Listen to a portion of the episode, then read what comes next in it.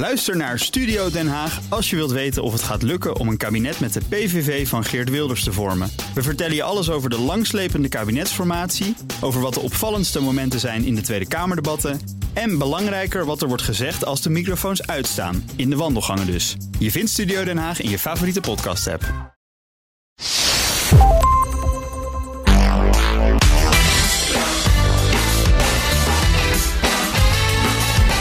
Hoe is het eigenlijk gesteld met jouw zelfvertrouwen?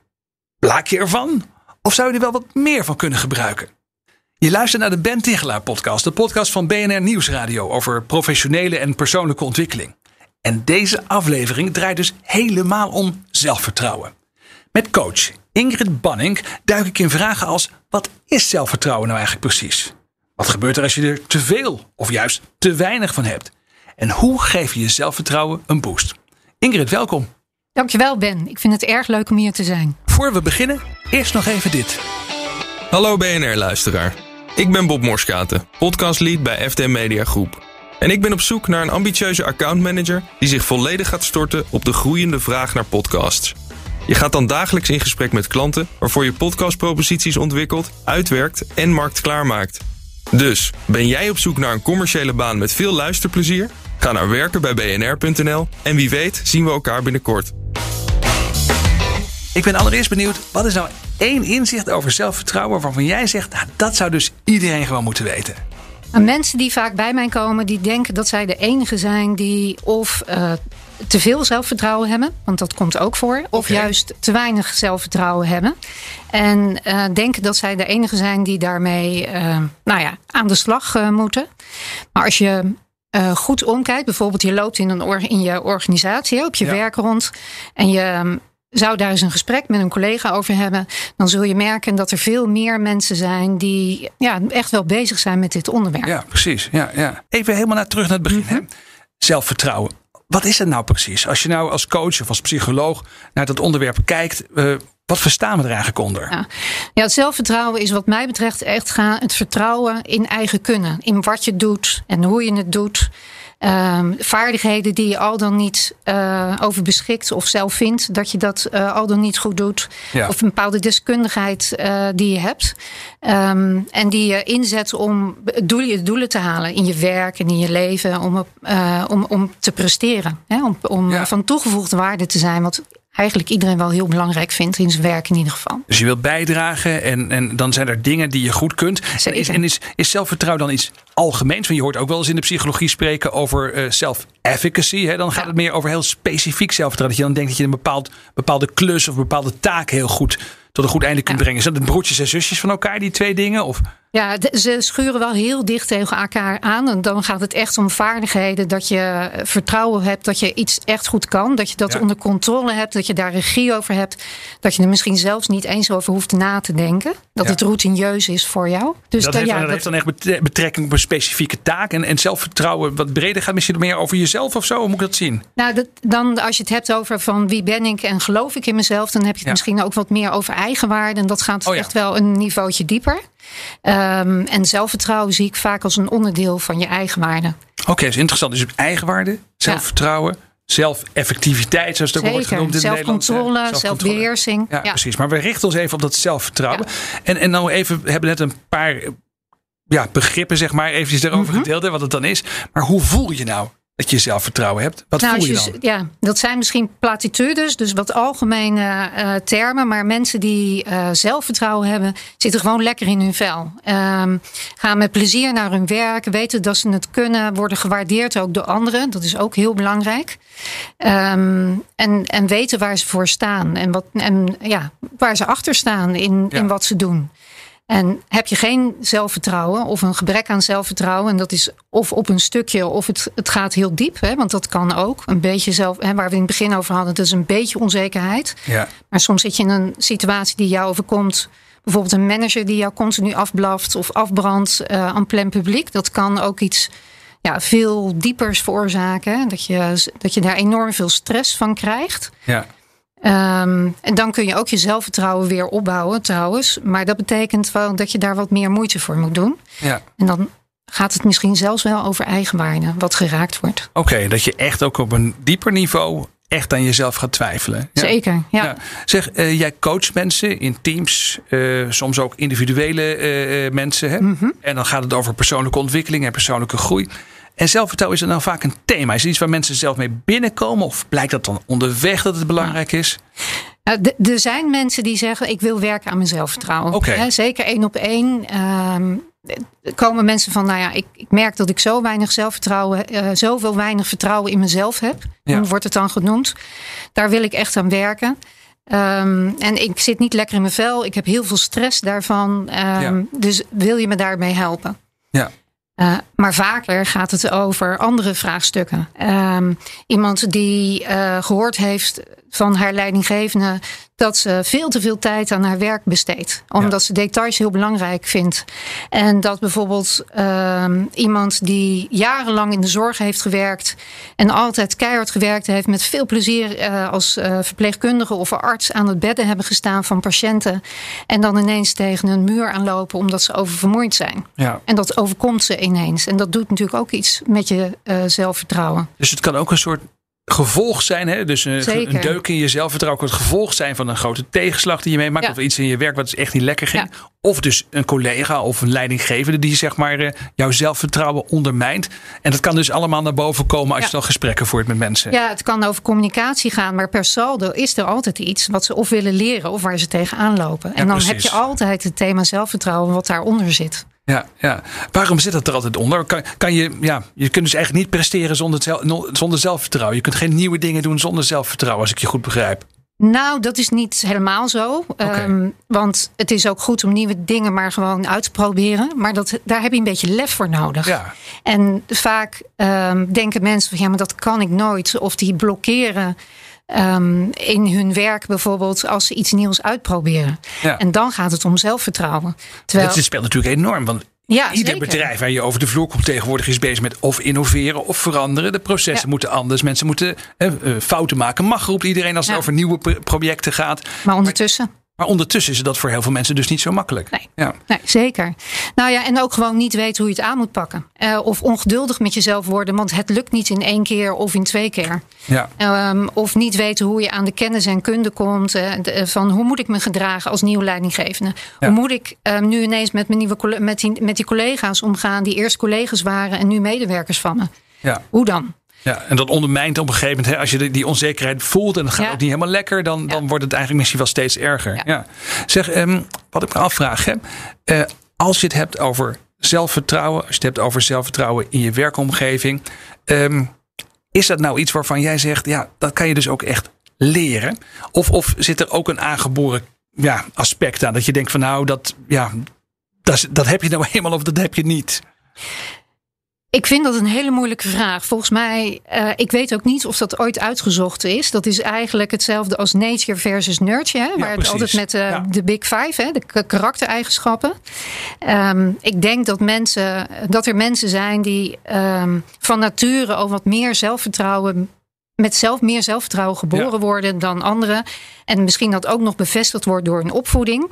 Maar ook zelfs die mensen die heel veilig zijn opgevoed en altijd naar hun zin hebben in hun werk, zelfs die kunnen een tegenslag ervaren, Precies. waardoor ineens ja, toch een deuk komt in hun zelfvertrouwen. Dus je omstandigheden, wat je meemaakt, Die helpen kan, zeker. kan helpen of kan juist enorm Zeker. tegenwerken. Ja, Ja. precies. Ja. Ingrid, wat levert nou vaker problemen op? Te veel of juist te weinig zelfvertrouwen? Je noemt al even helemaal in het begin dat er iemand bij je op uh, spreekuur kwam, zal ik maar zeggen. Die zei, ja, ik heb te veel zelfvertrouwen. Heel benieuwd van, ja, waarom, je zou zeggen, van, nou, waarom kom je dan bij een coach? Dan heb je dat toch niet nodig? Ja. ja, dat is een interessante. Um, soms gebeurt het dat iemand, en dan zeg ik dat tussen aanhalingstekens, gestuurd wordt. En die komt dan bijvoorbeeld met van ja, ze zeggen dat ik te bot communiceer. Maar het gaat toch om de inhoud en ze moeten Oh. toch gewoon doen hoe het hoort. Of iemand die een aanvaring heeft met een collega en dat wordt zo'n zwaar conflict. Ja, dan moet die ander maar veranderen en niet ik. Hè, dus dan denk je van nou, dat is te veel zelfvertrouwen. Maar als je dan doorprikt, blijkt daar toch ook wel onzekerheid onder te zitten. En mag ik een voorbeeld geven? Ja, heel graag. Ja, daar zijn we voor. Um, Vind we springen- spreekt het voorbeeldje ook aan. Dit is echt gebeurd. Dit voorbeeld mag ik ook van deze manier uh, gebruiken. Ik heb acht jaar geleden heb ik een, uh, een directeur van een nou, middelgroot MKB-bedrijf gecoacht. Ja. En die kwam bij mij. Zijn vrouw had mijn website gevonden. Want hij werkte meer dan 80 uur per week. En ehm, dat wilde hij niet meer, want hij was opa geworden. En wilde op zijn kleinzoon gaan passen. één dag per week met zijn vrouw. Dat kan niet als je 80 uur per week werkt. Dus hij was naar mij toegekomen en ehm, ik deed de deur open. Uh, en ik zeg, nou, welkom, kom binnen. En hij begint, staat midden in de gang en hij gaat mij vertellen hoe ik mijn werk moet doen. Oké. Letterlijk. Zo van, ik wil dat je dit doet en dat vraagt en dat moet gebeuren en zus moet gebeuren.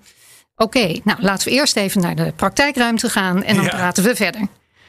Nou, om een lang verhaal kort eh, te maken. Deze meneer had, eh, vond ook dat het echt nodig was dat iedereen ook precies deed in de organisatie wat hij zei. Dus hij was, nou, zoals ik ook tegen hem zeg, van nou toch wel een behoorlijke controlfreak. Ja. En daar zit natuurlijk ook een bepaalde angst weer in. Een bepaald gebrek aan zelfvertrouwen. Want dat is ook het behoefte hebben om overal maar regie over te hebben.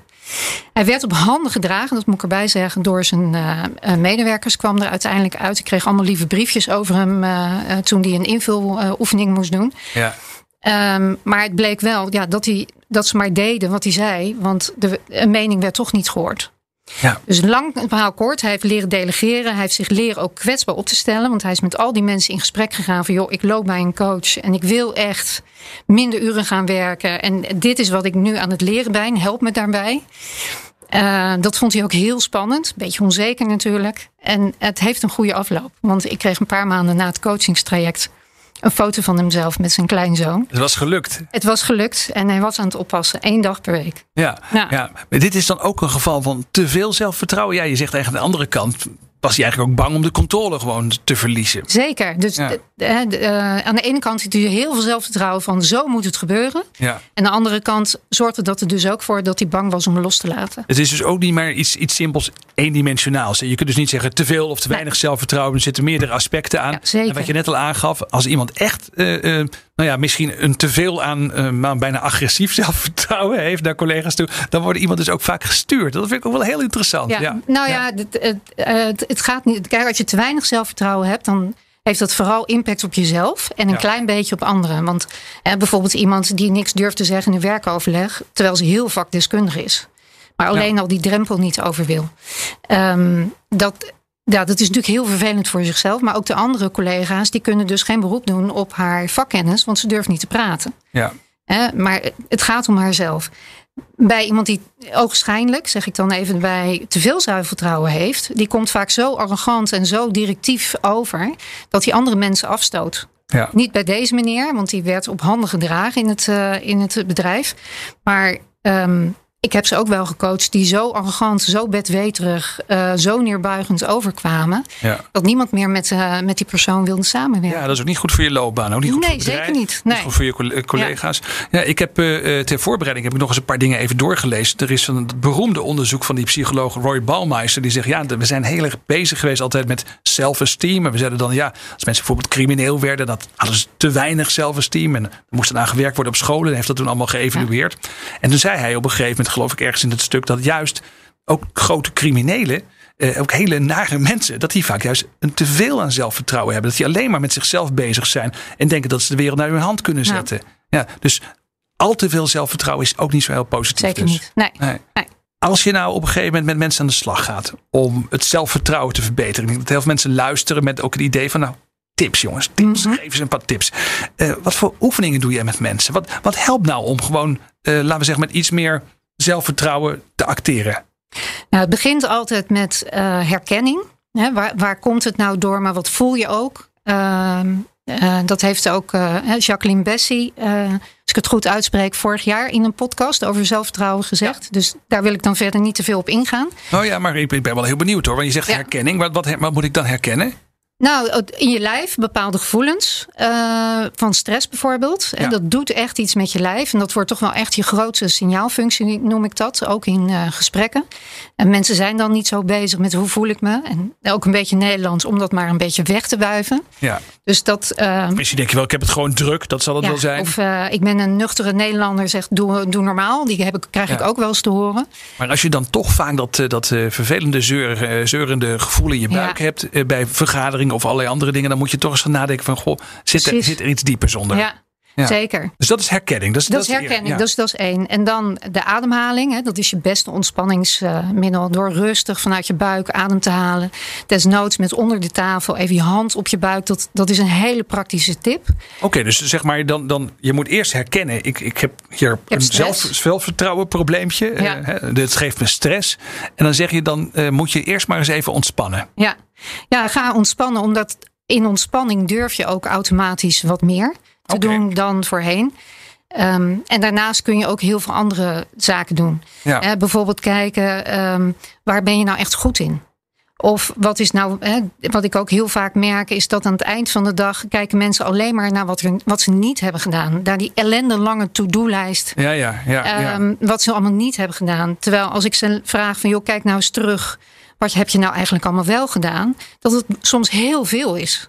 En dat kan je op dagbasis doen, maar dat kan je soms ook over, over een grotere periode natuurlijk doen. Ja. Ja. Probeer het even voor mezelf op een rijtje te Ja, zetten. Je zegt dus herkenning is belangrijk, ontspanning is belangrijk. En als je Ja. dan ontspannen bent, dan kan je misschien ook op een gegeven moment een soort analyse maken van wat zijn dingen waar ik echt goed in ben. En je beschrijft ook even dus je eigen verhaal. Dus ook, Ja. Je hebt dat dus persoonlijk ook zo ervaren. zeker. Dat als je dan op een rijtje zet waar je dus wel je sterk bij voelt of waar je goed in bent, dat helpt dus ook echt om dat zelfvertrouwen te ervaren.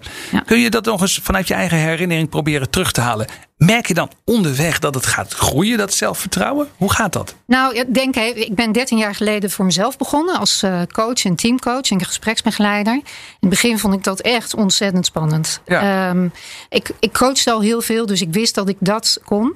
Ehm, en ik begeleidde al veel teams. Dus dat was de basis. En ik had ook als zelfstandig ondernemer, ik heb een bedrijfskundige achtergrond. Ja. Dus dan zou je zeggen van nou, alles is er. Eh, toch heb ik opleidingen gevolgd. eh, echt gedegen opleidingen die mij Ja. ook hielpen om mijn werk beter te doen. Ik heb heel veel met andere ondernemers gepraat. Van hoe doen jullie dat nou eigenlijk allemaal? Ehm, om daarvan te leren en tips van te krijgen. Dat Ja. heeft mij ook geholpen.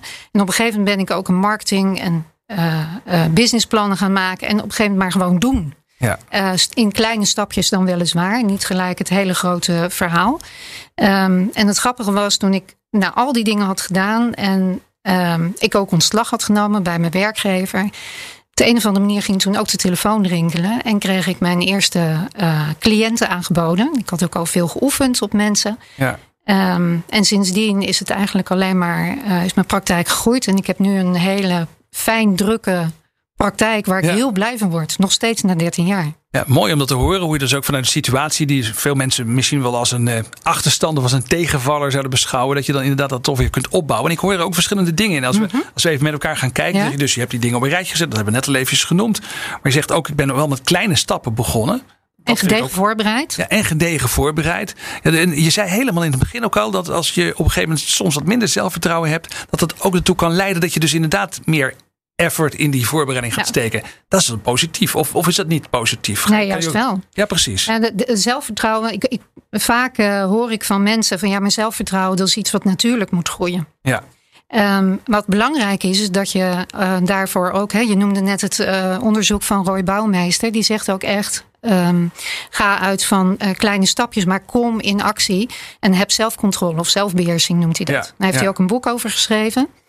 Ehm, en dat, dat is het ook belangrijke, dat je ziet wat het resultaat is van jouw stapjes. Dus ook even terugkijken op wat je doet, maar vooral eh, in hele kleine stapjes vooruitkomen. Ja. En, En- en, nog even misschien, dat, dat vind ik wel even de vinger daarop, daarbij leggen. Ja. Hoor ik je nou eigenlijk ook zeggen dat, dat heel veel pro- ja, zelfvertrouwen proberen op te pompen, zeg ik maar eventjes flauw, van tevoren.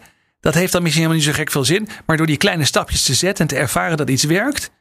Dat, bou- dat bouwt juist het zelfvertrouwen op. Ja. Is, dat dan, is dat waar het over gaat? Ja, daar gaat het zeker over. Ja. Ja. ik hoor vaak mensen zeggen van ja, maar zo ben ik nou eenmaal. Of ze moeten me maar accepteren zoals ik ben. Eh, maar ondertussen lopen ze wel elke keer tegen dezelfde ehm, ja, eh, situaties aan. Dus dan is het toch belangrijk, hè, je mag er zijn zoals je bent.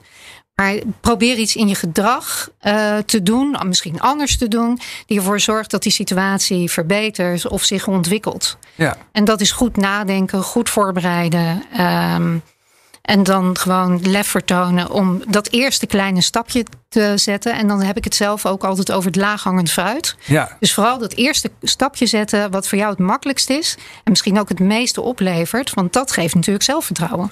Wat voor soort kleine stapjes praat je dan over eh, met mensen in jouw praktijk? Dus neem nou bijvoorbeeld zo'n leidinggevende die, die teamleider is geworden, die uit de rangen komt zeg maar, van, de, van, de, van de collega's aan wie die nu leiding geeft, of wie zij nu leiding geeft. Wat zijn kleine stapjes? Wat is dan dat laaghangende fruit waarmee je je zelfvertrouwen een duwtje kunt geven? Nou, ik begin altijd maar eens te kijken van wat kan die nou heel goed? Hè? Wat zijn zijn kwaliteiten? Ehm, en om die ook in te zetten. En Ja. daar ook heel concrete acties. Dus niet van, ehm, nou, ik ben heel goed in ehm, details. Ja. eh, bijvoorbeeld. Of eh, ik ben heel resultaatgericht. Mhm.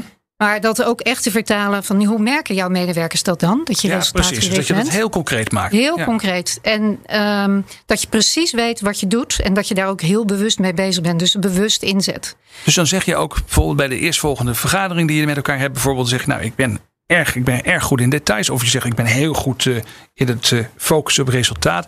En dan spreek je iets met je coach iets af van, nou, ga je dit, dit ga je dan concreet doen bij die vergadering. Nou, dat, dat bepalen we samen en meestal Ja. de ander. En het grappige is, is dat als, ze eenmaal, als ik ze eenmaal in de oplossingsgerichte eh, stand heb kunnen zetten. Ja, Ja, dus niet zozeer te kijken wat niet lukt of dat die ander maar moet veranderen. eh, maar echt te kijken van wat kan ik doen in deze situatie. Dat ze zelf ook automatisch al van oké, nou dan kan ik misschien dit doen of ik kan dat doen. ja. Hoe merk je dan als coach dat je op de goede weg bent als het gaat over zelfvertrouwen? Ja. Ja, dat is een hele leuke vraag. Als ik, eh, dat zie ik aan de mensen zelf. En dat is het mooie van mijn vak. Daar doe ik het ook echt voor. Dat is Ja. mijn drijfveer. Eh, je ziet mensen groeien. Je ziet ze sterker worden. Je ziet ze lekkerder in hun vel eh, zitten. Dat wil, eh, ze, ze accepteren ook meer dat er soms ook dingen niet goed gaan. Want daar gaat het ook vaak over. En dat is oké. want er gaan ook heel veel dingen wel goed. Zijn ze zich nu van bewust. Ja. En ze lachen meer, ze stralen meer. Ehm, het zijn misschien weer algemene termen, maar je ziet aan iemand hoe die in zijn vel zit als die met mij in gesprek is. ja, en dat is de lol in jouw werk. En dat, Ja, geeft, jou weer, dat geeft jou weer zelfvertrouwen. En dat geeft ja, zelfvertrouwen, maar ook ja, blijdschap, toegevoegde waarde. Ja. Zeg, ehm, laatste, laatste Mhm. vraag die ik voor je heb. Ik, eh, ik luister deze podcast. Ik denk, nou, dat is allemaal geweldig. Hè? Zelfvertrouwen, dat zou ik ook wel willen. De eerste stap, één eerste stap, een simpele tip. Wat zou je mensen aanraden? Luister deze podcast nog een keer en kijk eens welke tip jij voor jezelf kunt eh, gebruiken.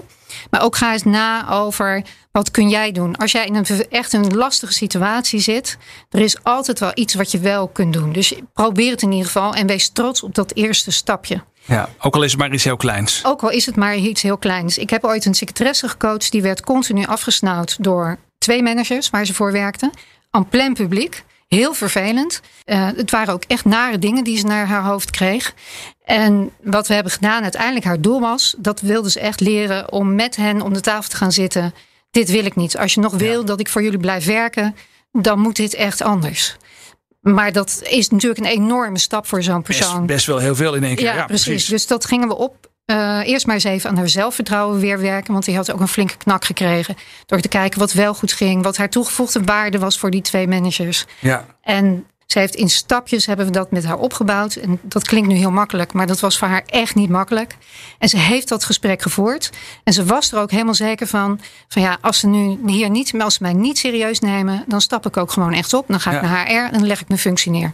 Hoe is dat afgelopen? Nou, ze waren heel verbaasd, twee managers. Oké, En, dus was ze zelf nog niet opgevallen. was ze niet op. Ja, het valt toch allemaal wel mee. Ja, Eh, nou, dat vond zij dus niet. Dus zij is echt heel assertief bij haarzelf gebleven. Nee, dat valt niet mee. Ja. Ik wil echt dat hier iets verandert. Want dit wil ik niet meer. toen had je twee nieuwe klanten erbij. Want die twee mensen hadden te veel zelfvertrouwen. Dan moest weer even... Nee, goed. Nou, zo niet. Maar het is wel. En ze is gebleven. En ze hebben echt beterschap eh, eh, beloofd.